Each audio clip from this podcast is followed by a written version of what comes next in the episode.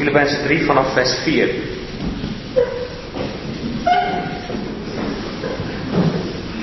Filippenzen hoofdstuk 3 vanaf vers 4. En zei een broeder tegen mij toen we uh, naar de Rehobothstraat, dan zou heel mooi zijn als we tot en met vers 11 zouden kunnen komen. Maar goed, ik weet niet uh, hoe ver we komen, we gaan het zien. Maar ik wil graag lezen vanaf vers 4. Als iemand anders meent op vlees te kunnen vertrouwen, ik nog meer. Besneden, besneden op de achtste dag uit het geslacht van Israël, van de stam van Benjamin, een Hebreeën uit de Hebreeën. Wat de wet betreft een fariseeër, wat de ijver betreft een vervolger van de gemeente. Wat de gerechtigheid betreft, die in de wet is, onberispelijk. Maar wat, mij, maar wat winst voor mij was, heb ik om Christus wil schade geacht. Jazeker, ik acht ook alle schade te zijn om de uitnemendheid van de kennis van Christus Jezus mijn Heer, om wie ik de schade van alles heb geleden en het als vuilnis acht. Opdat ik Christus mag winnen en in hem bevonden word, niet in de bezit van mijn gerechtigheid die uit de wet is, maar van die welke door het geloof in Christus is. De gerechtigheid die uit God is, gegrond op het geloof. Om Hem te kennen en de kracht van Zijn opstanding en de gemeenschap aan Zijn lijden, terwijl ik aan Zijn dood gelijkvormig word. Om hoe dan ook te komen tot de opstanding uit de doden. Eerst tot hier. Er zijn twee teksten die met mij vandaag met betrekking tot dit onderwerp waar we over nadenken bovenkwamen. En dat is uit Romeinen 10. Waar het eigenlijk zo mooi geschreven staat. Romeinen 10 vers 4. Want het einddoel van de wet is Christus. Tot gerechtigheid voor ieder die gelooft. Dan moet u later thuis maar eens de rest van, dat, van die pericoop lezen. Dan legt de schrijver van de Romeinenbrief uit wat hij precies bedoelt. Maar het einddoel van de wet is dus Christus. Het is dus niet het doel van de wet dat de mens zijn eigen gerechtigheid opbouwt. En de tweede tekst, die staat in Galaten 5 in Galaten 5, hoofdstuk 5, vers 1. Sta dan vast in de vrijheid waarmee Christus ons vrijgemaakt heeft. En laat u niet weer met een juk van slavernij belasten.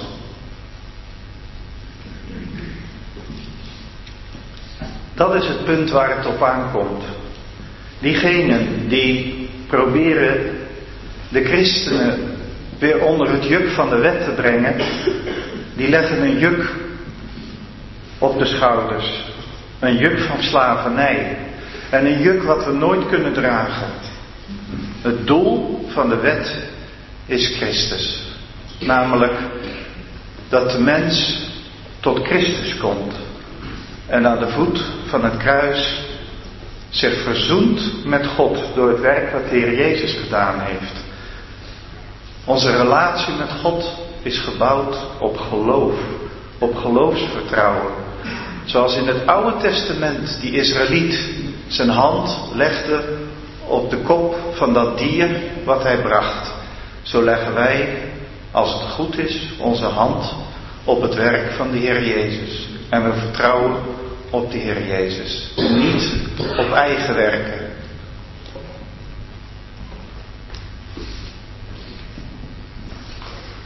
Het lijkt alsof Paulus hier iets tegenstrijdigs doet. We hebben vanmorgen best wel indringend nagedacht over de vraag: wat is dat nou? En doen wij dat ook, namelijk God dienen door de geest van God. En in Christus roemen en niet op vlees vertrouwen. En dat heeft Paulus gezegd en dat heeft ons aan het denken gezet.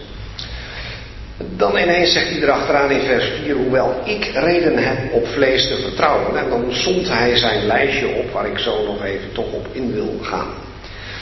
Waarom doet de apostel dat? Je zou kunnen zeggen, Paulus zegt, als iemand het dan toch wil proberen, nou dan wil ik dat wedstrijdje wel met hem aangaan. En dan win ik het misschien ook nog wel. Maar juist ik, zou Paulus kunnen zeggen, die zo goed scoort op dat lijstje, ik hecht er geen enkele waarde aan. Het valt volledig in de schaduw van hem om wie het werkelijk gaat. We hebben vanmorgen ook al even gekeken naar 2 Korinthe 11, waar Paulus zegt van nou, ik ga dat wedstrijdje in onwijsheid ook wel even met jullie aan. En als jullie mij aannemen, nou nemen dan voor deze keer aan als een onwijze. En ook daar is de strekking, het heeft geen enkele zin. Maar wat Paulus hier noemt, daar zou menige godsdienstige Jood uh, best wel jaloers op kunnen zijn. Paulus zegt eerst dat hij reden heeft op vlees te vertrouwen. En als iemand anders dat ook denkt, zegt hij ik nog meer. Vandaar dus dat wedstrijdelement dat ik net naar voren haalde. En dan noemt hij op een aantal zaken die op zichzelf achtenswaardig leken in de ogen van velen. Paulus was op de achtste dag besneden. Keurig zoals het hoorde. Niet een dag eerder of later, maar op de achtste dag. Uit het geslacht van Israël, dus een echte Jood. Ook nog uit de stam van Benjamin, zoals zijn naamgenoot koning Saul. Benjamin, een van de twee stammen. En niet een van de weggevoerde tien. Ehm, de twee zijn ook weggevoerd, maar teruggekeerd. Dus dat is toch ook weer een pre.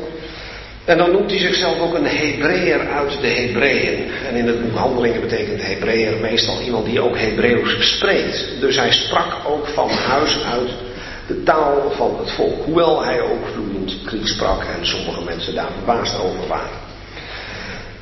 Wat de wet betreft, een fariseer. Nou, fariseeën, dat waren de theologen van die tijd, een belangrijke theologische stroming. Wetsgetrouwheid was hun kenmerk. Fariseeën betekent afgescheidene, afgezonderde. En waarvan hadden zij zich afgescheiden of afgezonderd? Van de schade die de wet niet kent. Dus Paulus zegt ook wat de wet betreft sta ik helemaal aan de goede kant. En dan noemt hij iets uh, wat hem zelf toch geschokt zal hebben, maar dat was wel waar. Wat de ijver betreft, een vervolger van de gemeente. Paulus zegt, mijn wedcijfer ging zo ver dat ik datgene deed waarvoor ik me nu schaam. Dat zegt hij op andere plaatsen. Dan noemt hij zichzelf de grootste van de zondaren, omdat ik de gemeente van God van Christus vervolgd hebben. Hij zegt, zo ver ging mijn ijver. En zegt hij dan wat de gerechtigheid betreft die in de wet is onberispelijk. Ja, als het gaat om de uiterlijke gerechtigheid van de wet, dan kwam Paulus zo ver dat hij zichzelf onberispelijk noemde. Maar op een andere plaats, en ik ga er niets over zeggen, dat doet misschien een maakt Paulus duidelijk wat er nu door het kruis is veranderd. De wet sprak aan en maakte duidelijk dat een mens die hoge standaard van God niet kon bijhouden. Maar wat is er gebeurd na het kruis? Paulus maakte duidelijk in 2 Korinthe 3. God heeft de mens veranderd. De wet komt niet meer als een uiterlijke eis van buitenaf om de mens ervan te overtuigen. Je kunt die standaard niet halen. Paulus zegt dan als je toch denkt, zie je hoe ver je dan kunt komen. Dan kun je zelfs een vervolger van de gemeente worden.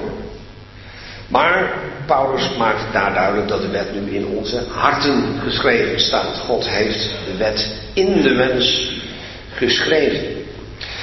Maar goed, om op dit lijstje terug te komen, zegt Paulus samenvattend, en dat is belangrijk heel secuur te lezen, wat winst voor mij was. Hij zegt niet is, hij zegt was. Hij zegt ook niet leek of lijkt. Dit was echt Paulus' lijstje. Daar kon hij mee scoren. Daardoor genoot hij aanzien. Als ik aan mijn grotendeels ongelovige leerlingen moet duidelijk maken wie Paulus was, dan kan ik natuurlijk niet een hele preek gaan houden.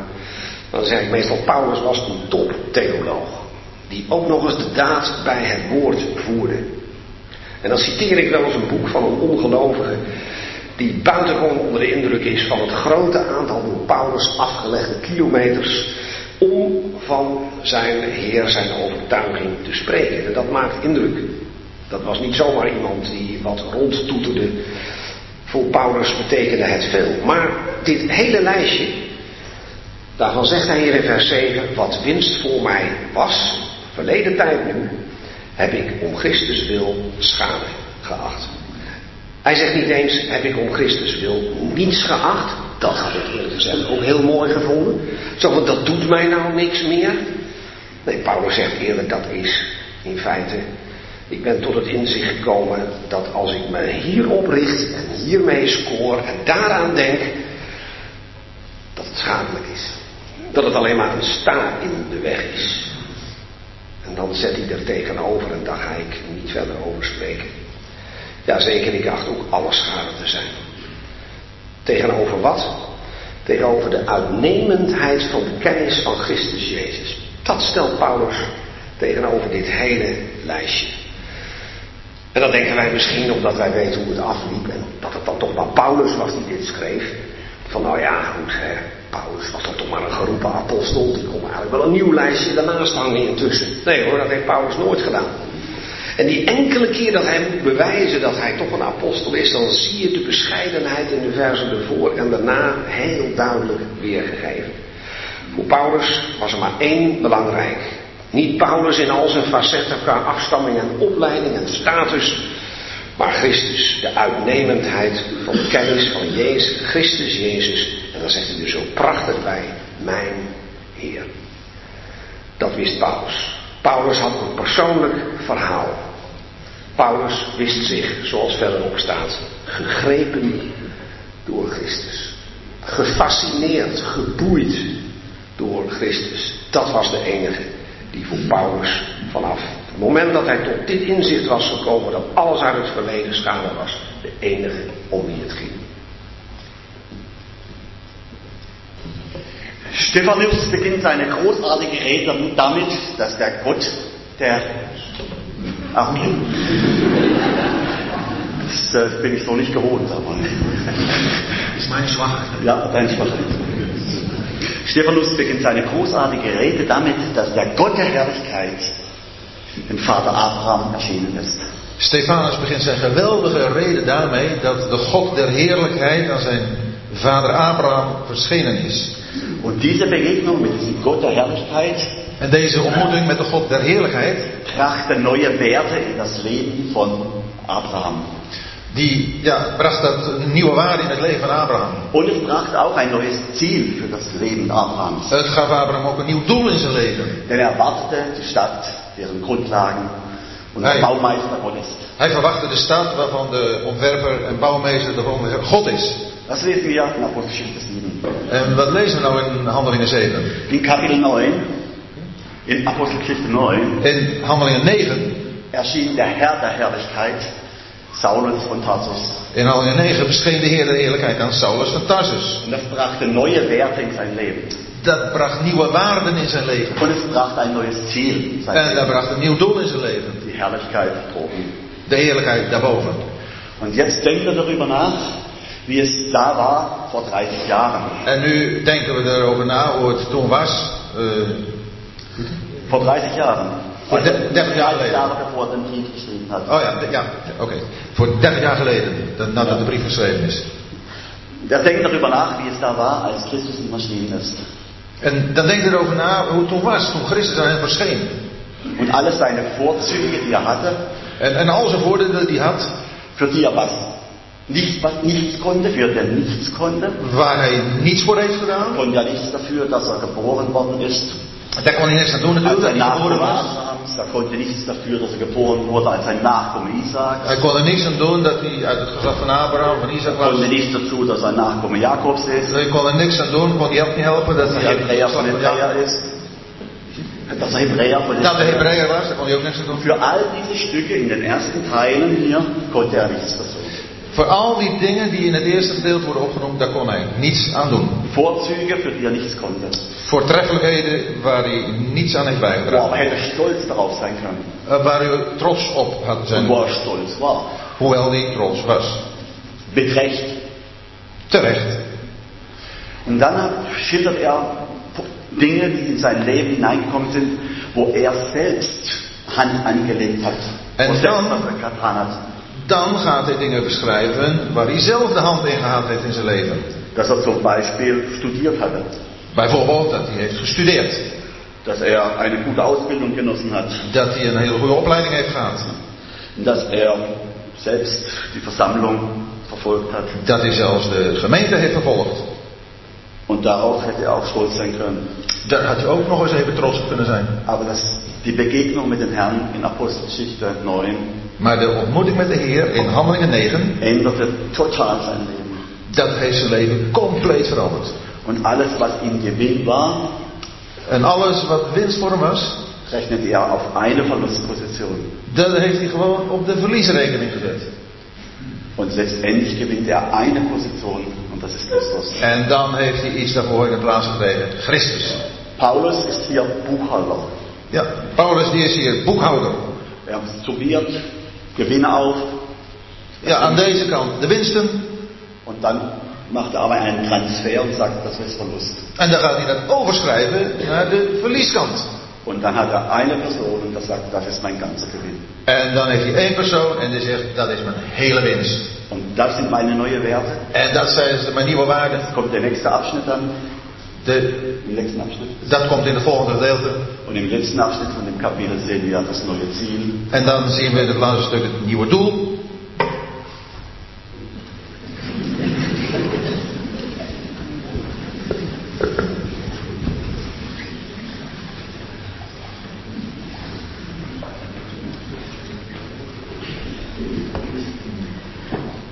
Eh, het geeft in de psychologie een eh, theorie zegt: een oog dat zichzelf ziet, is ziek.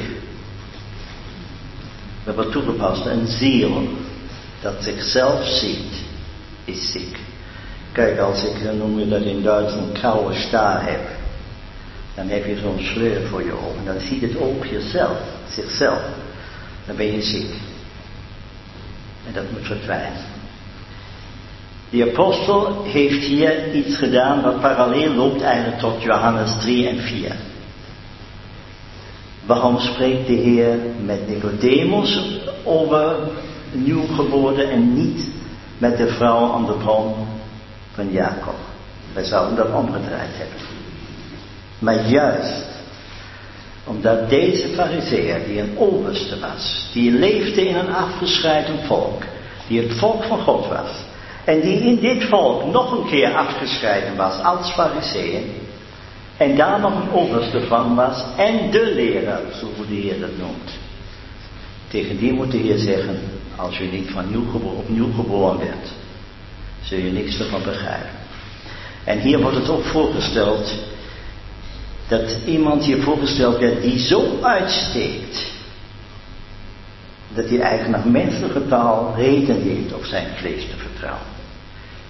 Kijk, ik heb daar geen reden voor. Als ik mijn verleden zie, mijn vlees, dan zijn er niet veel dingen waar je kunt op komen. Maar Paulus kon het wel. Hij schrijft oprecht. En dat is zo belangrijk dat we dat goed begrijpen. Godsdienstig vlees. We zijn altijd bezig, we hebben al geprobeerd toe te passen, ons een stuk identiteit te schapen.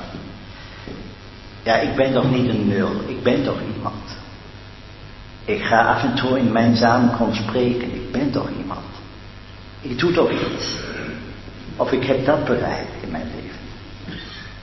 Mensen zijn op zoek naar identiteit. Als je dat ziet in Facebook, ik heb zoveel likes gekregen.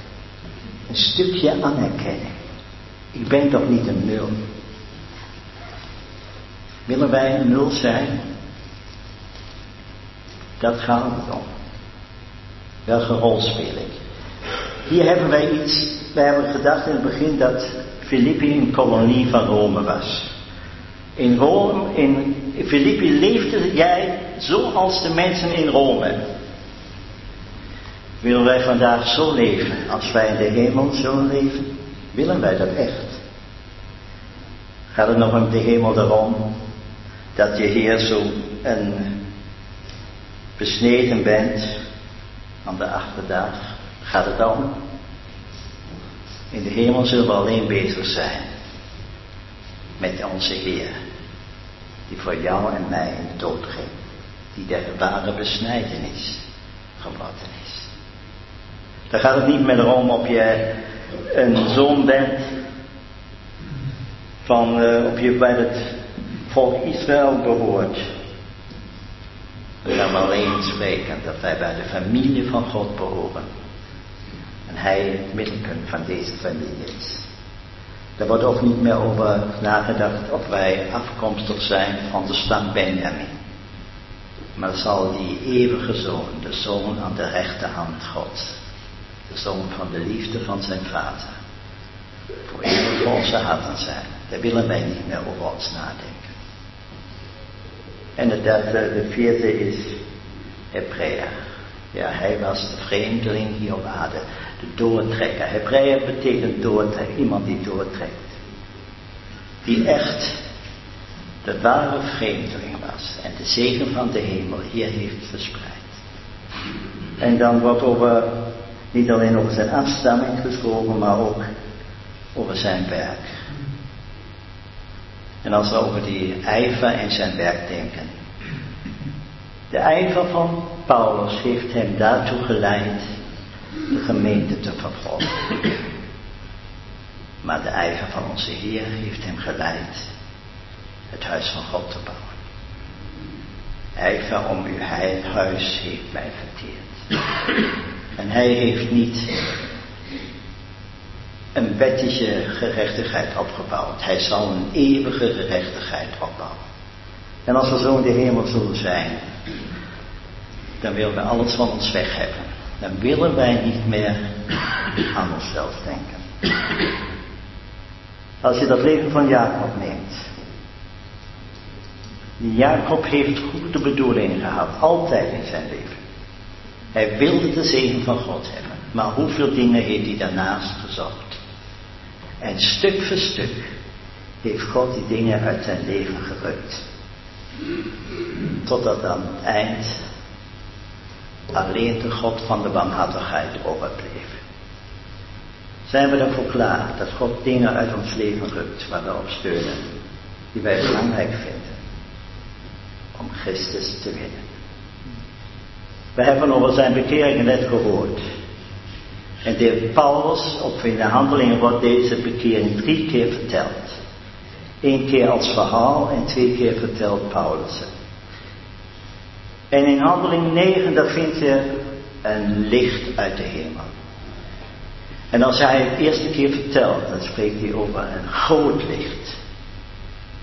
En de derde keer, en daar ziet hij nu, een licht, stralende, heller feller dan het licht van de zon. En dat is wat wij hier hebben in de tweede vers 6. Die uitnemendheid, in vers 8, die uitnemendheid van de kennis van Christus Jezus.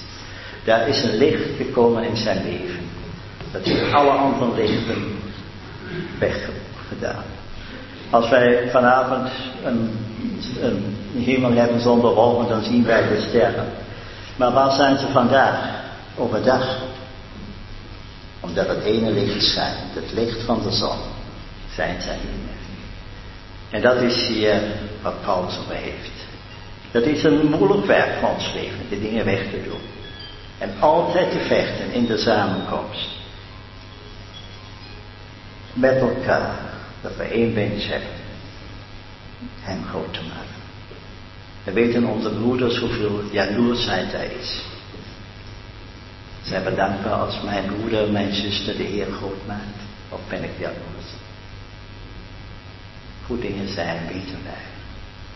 Maar wat winst voor mij was, dat wil ik wegdoen. Want morgen, als de Heer ons naar huis haalt, stelt alles andere niet meer. Dan is alleen nog Hij, de man van zich voor onze harten.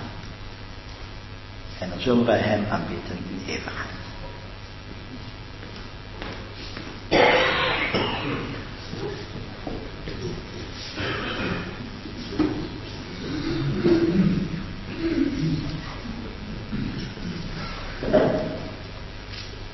Wil even terugkomen wat broeder Kramer zei, dat Paulus bescheidenheid was. En ik geraakt ook door de broeder die net sprak over jaloersheid. En dan kom ik even terug op de brief uit 1 Korinthe. Over de Apollos, of toen Paulus werd gezegd dat zijn brieven verachtelijk waren of gewichtig en zijn spreken verachtelijk. En de brief begint ook met jaloezie tussen broeders. Misschien bedoelde de apostel Paulus daarmee ook de boze brieven, de boze arbeiders uit Filippus hoofdstuk 3. Maar hij moest tegen ageren. En zeker ook omdat hem werd verweten dat hij een christenvervolger was. Omdat hij zo'n ijveraar was als fariseer. En ik vind het zo mooi dat zijn bescheidenheid dan zo mooi onder woorden gebracht wordt. Van 1 Corinthians 15 vers 8. Wat wel degelijk bij dit gedeelte past. Hij zegt eigenlijk dat de Heer, we hebben erover gezongen, dat hij opgestaan is, eerst is verschenen aan Petrus en zelfs later aan zijn halfbroer Jacobus. Maar dan zegt hij, niet uit misplaatste valse bescheidenheid. En als laatste is hij ook aan mij als een misgeboorte verschenen. Want ik ben de geringste van de apostelen die niet waard is om apostel genoemd te worden, juist omdat hij de gemeenten heeft vervolgd. En nou komt het. Maar door de genade van de God ben ik wat ik ben. En door zijn genade ben ik, mijn is niet vergeefs geweest. Maar ik heb overgevoelig gearbeid dan ze allen. Maar ik, maar de genade van God is in mij. Dit is zo mooi. En dat zegt hij ook weer eigenlijk in Filippenzen hoofdstuk 3. En dan even op mijn persoonlijk zelf gezegd. Dit gedeelte raakt mij zelfs omdat ik uit een club kom waar status heel belangrijk was. Waar het kwam op goede werken en harde arbeid als speciale pionier. En ik heb er soms zelf ook wel eens moeite mee dat ik die status niet meer heb. Maar dan word ik steeds weer gecorrigeerd dat het alleen maar om Christus gaat.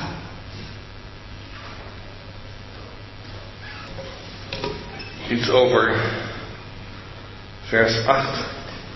De voortreffelijkheid, staat daar, de uitnemendheid van de kennis van Christus Jezus. Jazeker, ik, heb, ik acht ook alles schade te zijn om de uitnemendheid van de kennis van Christus Jezus mijn Heer. Ik neem even mee naar Handelingen 22, vers 7.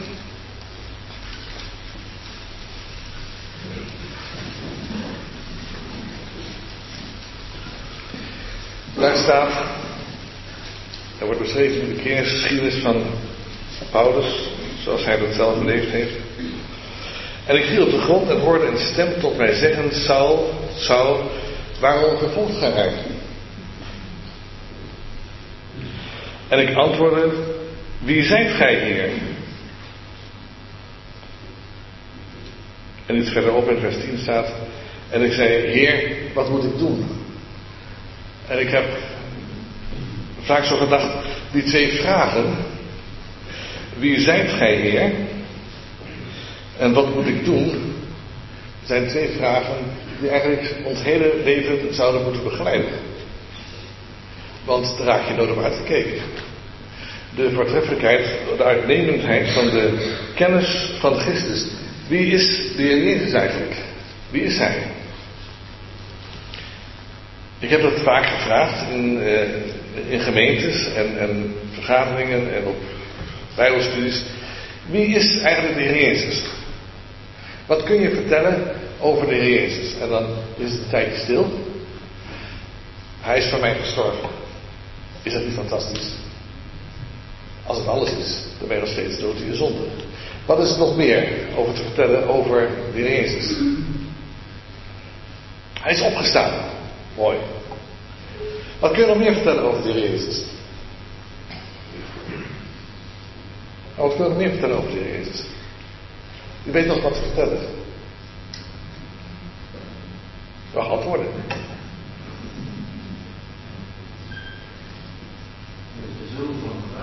Hij is de zoon van de vader. Schitterend. Wie biedt er meer? Er is nog veel meer. Hè? De zeven ik wens. De zeven ik wens. Ja. Nog meer? Mijn Heer en Heiland. Mijn Heer en Heiland. Wie heeft er nog meer? Eeuwig leven. Wat zegt u? Het eeuwige leven. Eeuwig, het eeuwige leven. Hij is het eeuwige leven. Wie heeft er nog meer? Hij is de hoge priester.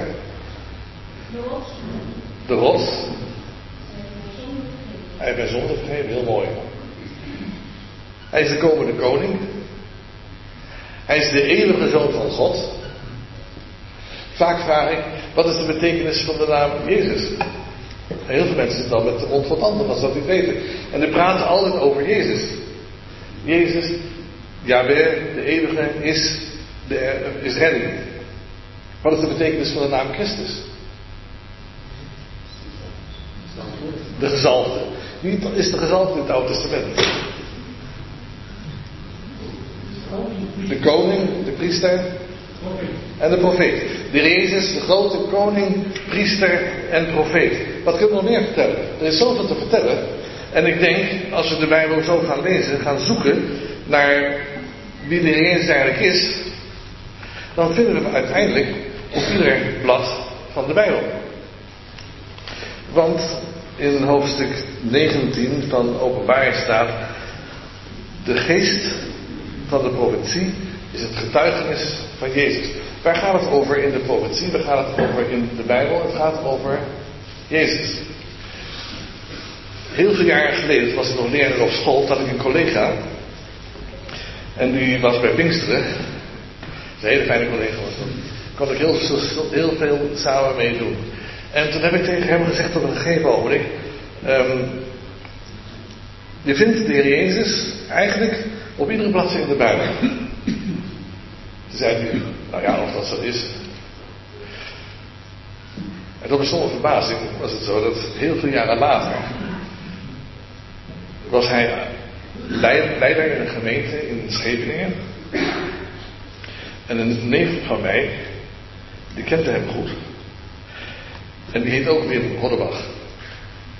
En um, toen op een gegeven moment zei die ex-collega van mij, jij heet Wim Hoddebach. Ken jij hem ook? Dan zegt ja, dat is mijn, dat, dat, is. Hij zegt, moet je maar eens tegen hem zeggen als je hem ziet. Dat toen, der tijd, heeft hij tegen mij gezegd, je vindt de Heer Jezus op alle bladzijden in de Bijbel. En ik geloof het ook niet. En ik ben toen Hebreeuws gaan studeren, studeren. En ik heb vastgesteld dat je vindt de Heer Jezus overal in het Oude Testament, bijna iedere bladzijde. En dan moet je maar eens tegen zeggen dat het zo is. Vond ik mooi, ja, dat hij uh, dat zo ontdekt had. En ik vind het schitterend als we de Bijbel zo lezen, dan doen we eigenlijk wat hier staat, ja. Dat Paulus zegt hier in vers 8. Alles heb ik schade geacht om de uitnemendheid van de kennis van Christus Jezus. Ik heb vaak zo gedaan, bij lezingen, gevraagd wie van jullie kan de namen, namen van God noemen. En dan zitten ze vaak heel stil en zeggen niet veel. En dan zeg ik, wie van jullie kan namen noemen van FC Bayern? Van de spelers. En dan gaat de ene naar de andere naam. Dan heb ik, gezegd, goed, denk dan maar eens na over de namen van de Jezus. Dat is veel verrijkender als de naam van de spelers van FC Bayern, hoewel die ook goed zijn.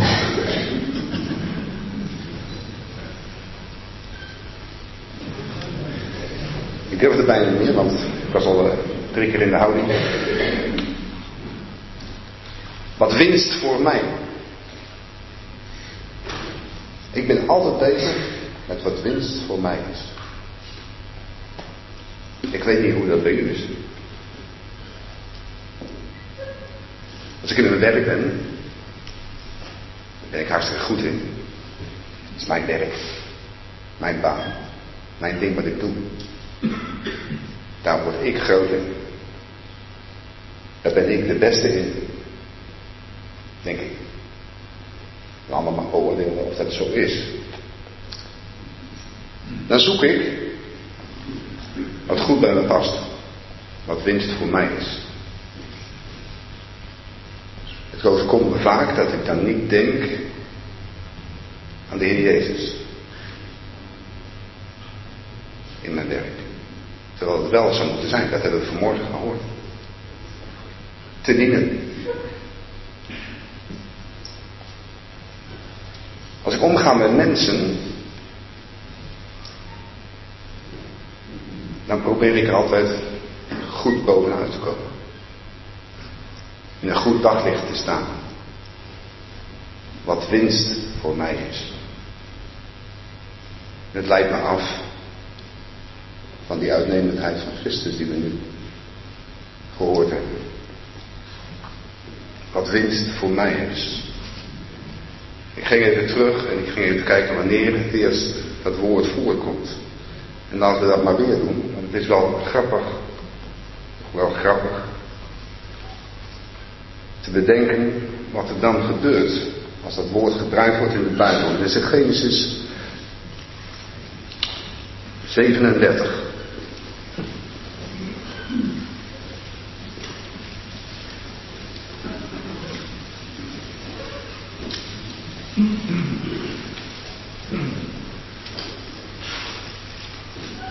En het is misschien een, een beeld van wat, van wat er hier in Filippenzen de keuze in feite is.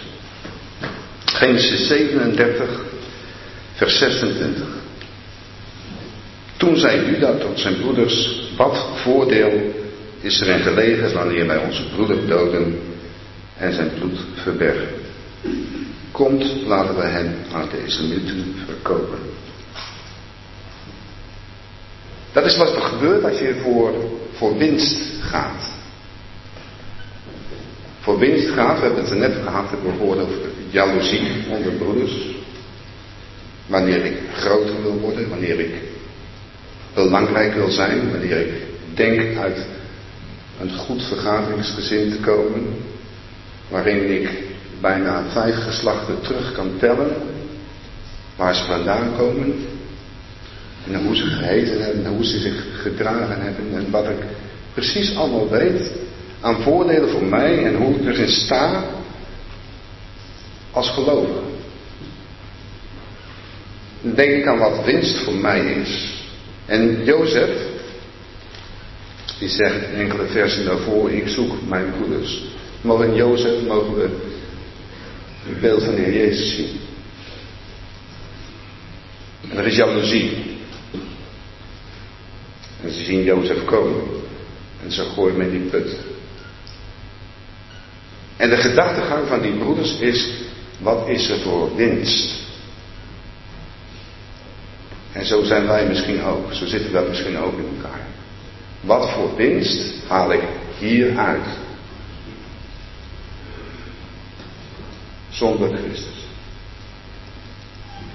Ik verkoop Christus voor winst. Voor mij. Dat is wat er gebeurt in, de, in veel gemeenten. Christus wordt verkocht. Die elke bladzij wordt weggesneden, uitgescheurd, weggehaald. Wat winst voor mij is, voor de reden, voor de logica, voor het cre- credet en het debet. Wat voor winst heb ik als christen in deze wereld? Hoe handhaaf ik mijn positie als redelijk mens ten opzichte van anderen die allemaal in evolutie of in andere dingen geloven die niet overeenkomen met het eenvoudige woord van God? Ik verkoop het voor winst voor mij. Dat is wat er gebeurt rondom ons heen. Dat is de realiteit van dit moment. Dat is de realiteit van het christen zijn in deze wereld. Keuze maken. Keuze maken tussen wat winst voor mij is. Of die uitnemendheid van Christus. Die eenvoud van het geloof. Te geloven in die persoon die voor mij gestorven is en aan het kruis is gegaan. Is opgestaan in de heerlijkheid is. En die wacht op het moment dat hij ons, dat hij mij kan halen. Die uitnemendheid. Die die dode hond, die ik ben, opnemen zal in heerlijkheid. Om bij hem te zijn. Die grote koning die gaat komen. Laten we niet hem verkopen voor winst.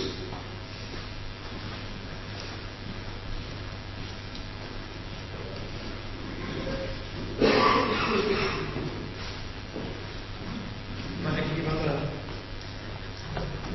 aan toevoegen eigenlijk is niet het juiste woord. Ehm, het woord keuze viel net.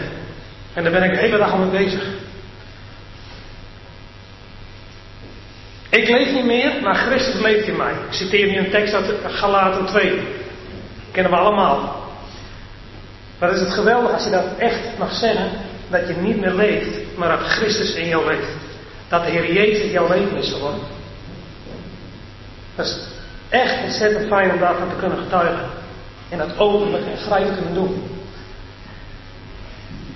Maar ik wil graag iets zeggen over keuze. Maar dan wil ik even iets algemeens eh, noemen over het boek Filippenzenbrief. Ik heb over het boek geschreven Oprechte Christendom. Oprecht Christen. Ik heb er ook boven geschreven toegewijd. Toegewijd. Vanmorgen zijn er woorden gevallen. Beleidschap en gemeenschap is toegewijd. Toegewijd leven voor de Heer Jezus. Maar dat doe je niet zomaar. Dat gaat niet vanzelf. Je zal een keuze moeten maken. En mijn gedachten gingen helemaal naar het Oude Testament in vogelvlucht. En als je in het Oude Testament naar alle belangrijke personen kijkt, en we hebben net Jozef genoemd, maar daar dacht ik ook aan. Allemaal godsmannen die een keuze hebben gemaakt. Een keuze. Als je ziet wat dat uitgewerkt heeft, dan kom je echt onder de indruk. Als je aan Jozef denkt inderdaad, aan, uh, aan Jona, die een verkeerde keuze maakte, maar later onderin het schip toch besloot om op te staan en een andere keuze te maken. Weet, je wat dat uitgewerkt heeft? We denken aan David. Nou, noem maar op. Maar ook een vrouw, bijvoorbeeld Rut. Die besloot om mee te gaan met Naomi. We weten ook wat dat uitgewerkt heeft. Hoofdstuk 4. Wat kwam er heel veel, mag ik het zo zeggen, heel veel blijdschap in het leven van al deze godsmensen. Omdat ze gekozen hadden. En ik vertaal het nou nu naar, naar een Heer. Voor de Heer. Naar ons toe, mijn Heer. Jongelui, ook speciaal voor jullie, ook voor de ouderen. Als jij wil toegewijd leven, de Heer, verkeerde volgorde volgens mij, maar dat maakt niet uit, u begrijpt het. Als je hem toegewijd wil leven, als jij hem toegewijd wil leven, als jij wil leven voor de Heer Jezus, dan zul je moeten kiezen. En, uh, nou, ik heb die voorbeelden genoemd. Voor mij is er één voorbeeld in het Oude Testament wat ik ontzettend mooi vind en ik wil het hier ook noemen. Daniel en zijn drie vrienden. Die maken een keuze. Die zijn echt God toegewijd. Al bij het begin, in dat hoofdstuk 1, zien we al dat Daniel de keuze maakt met zijn vrienden om alleen groenten en water te nemen. We weten ook waar het uitwerkt. Hoofdstuk 2, maar ik wil ook naar hoofdstuk 3 gaan. Vooral. Hoofdstuk 3, de drie vrienden van Daniel. Die daar de keuze maken om niet te buigen voor die grote God. Grote afgod. En ik wil het toepassen naar nu. Naar heel veel zaken die in ons leven een afgod kunnen worden. Die in jouw leven, en ik ben ook jong geweest en ik ben nog jong.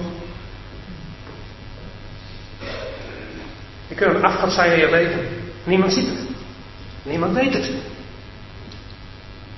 Maar je hebt ze wel. Ik wil heel graag een oproep doen om tegen jou te zeggen. Kies voor de Heer Jezus. Ga naar Hem toe. Soms heb je hulp nodig. Misschien wel ouderen die ook met dingen worstelen. Heb je hulp nodig. Ik heb het ook gehad. Ik heb ook geworsteld met hele moeilijke dingen in mijn leven. Sommigen weten dat jullie. Ik weet echt wat een depressie is. Dat is in mijn leven geweest. En dan moet ik kiezen. Zoek ik hulp of niet? Iets persoonlijks. Ik heb het mogen doen. God heeft het in mijn leven gedaan. Heeft me de kracht gegeven om ermee aan de slag te gaan. En mijn leven veranderd. Heer Jezus, mijn Heer. Mijn doel. Mijn kracht. En jij bent jong. Als jij voor Hem wil leven, maar je, je weet niet hoe, dan begint het bij een keuze maken voor Hem. Als, als jij de Heer Jezus kent en hebt aangenomen, dan mag je zeker weten dat Hij een geest in je is.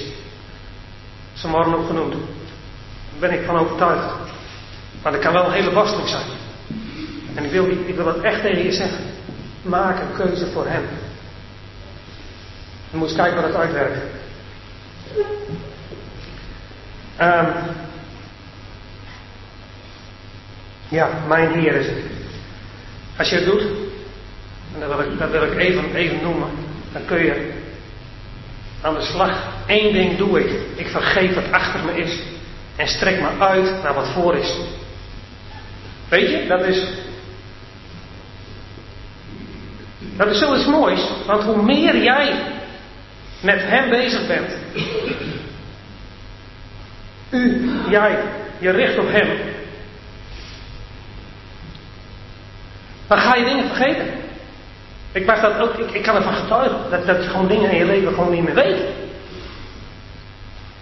Doe het dan zo goed? Nee, dat is omdat, om, om, omdat je alles in je wil graag de Heer zoeken. Je wil graag doen wat Hij wil.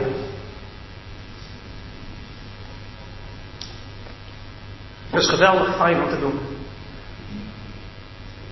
En ik wil dat ook vanmiddag hier zeggen. En dan wil ik eindigen met dit. Hij is het waard dat ik op aard al mijn tijd hem danken wijd. En dan wil ik daarvan het laatste regeltje zeggen van hem toegewijd. Laten we hem toegewijd leven. Hij is het waard.